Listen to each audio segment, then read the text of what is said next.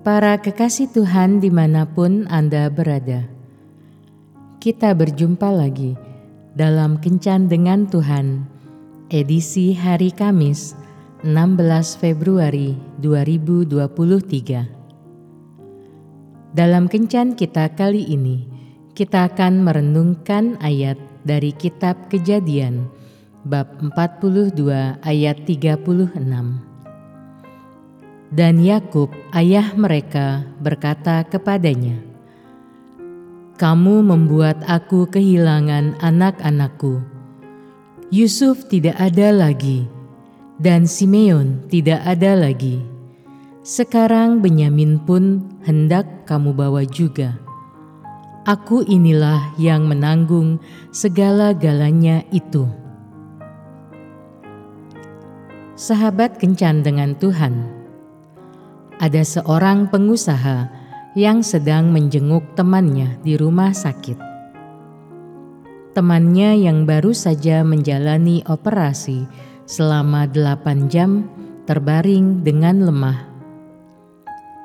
Pengusaha tersebut kemudian memberikan kekuatan kepada temannya dengan berkata, "Tahukah kamu?" Aku pernah mengalami sejumlah operasi serius. Dalam ketakutan dan kecemasan, Tuhan mengingatkan aku dengan dua ayat firman-Nya, yaitu Kejadian 42 ayat 36 dan Roma 8 ayat 28. Pengusaha tersebut lalu membacakan firman Tuhan itu kepada temannya, lalu mendoakannya. Temannya benar-benar mengimani kedua ayat tersebut, dan pada akhirnya ia mengalami kesembuhan total.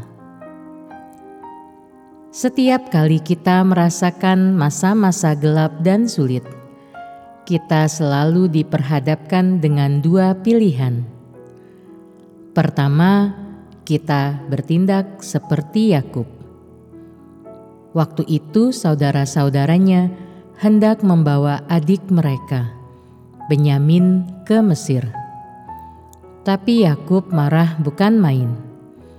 Ia mengatakan bahwa Yusuf telah meninggal, Simeon ditahan di Mesir, dan sekarang Benyamin pun akan dibawa. Semua kesusahan dan penderitaan itu dialah yang menanggungnya. Yakub memilih menjadi korban. Ia merasa orang yang paling menderita akibat semua kejadian itu. Apakah ketika berada dalam banyak persoalan, kita selalu menyalahkan pihak lain dan menganggap diri kita yang paling benar? Atau saat pencobaan datang, kita memilih sikap kedua, sikap yang diperlihatkan oleh Paulus. Ia mengatakan bahwa Allah turut bekerja dalam segala sesuatu, termasuk saat-saat pahit dalam hidup, untuk mendatangkan kebaikan bagi mereka yang mengasihi Dia tidak peduli sebesar apa pun cobaannya dan sesukar apa pun jalannya. Allah bisa memakai semuanya itu untuk memberkati kita. Menyikapi hal negatif dengan sikap positif memang tidak mudah. Butuh pengenalan Tuhan yang dalam, sehingga kita tidak meragukan kasihnya apalagi meninggalkan Dia. Meskipun tidak mudah, kita harus mencoba, sebab terus-menerus memakai kacamata negatif hanya akan membuat dunia kita makin sulit dan buruk. Tuhan pasti menolong kita. Ingatlah, salib itu positif. Tuhan Yesus memberkati. Marilah berdoa. Tuhan Yesus, Ajarilah aku untuk tetap berpikir positif, walaupun aku sedang berada dalam situasi negatif.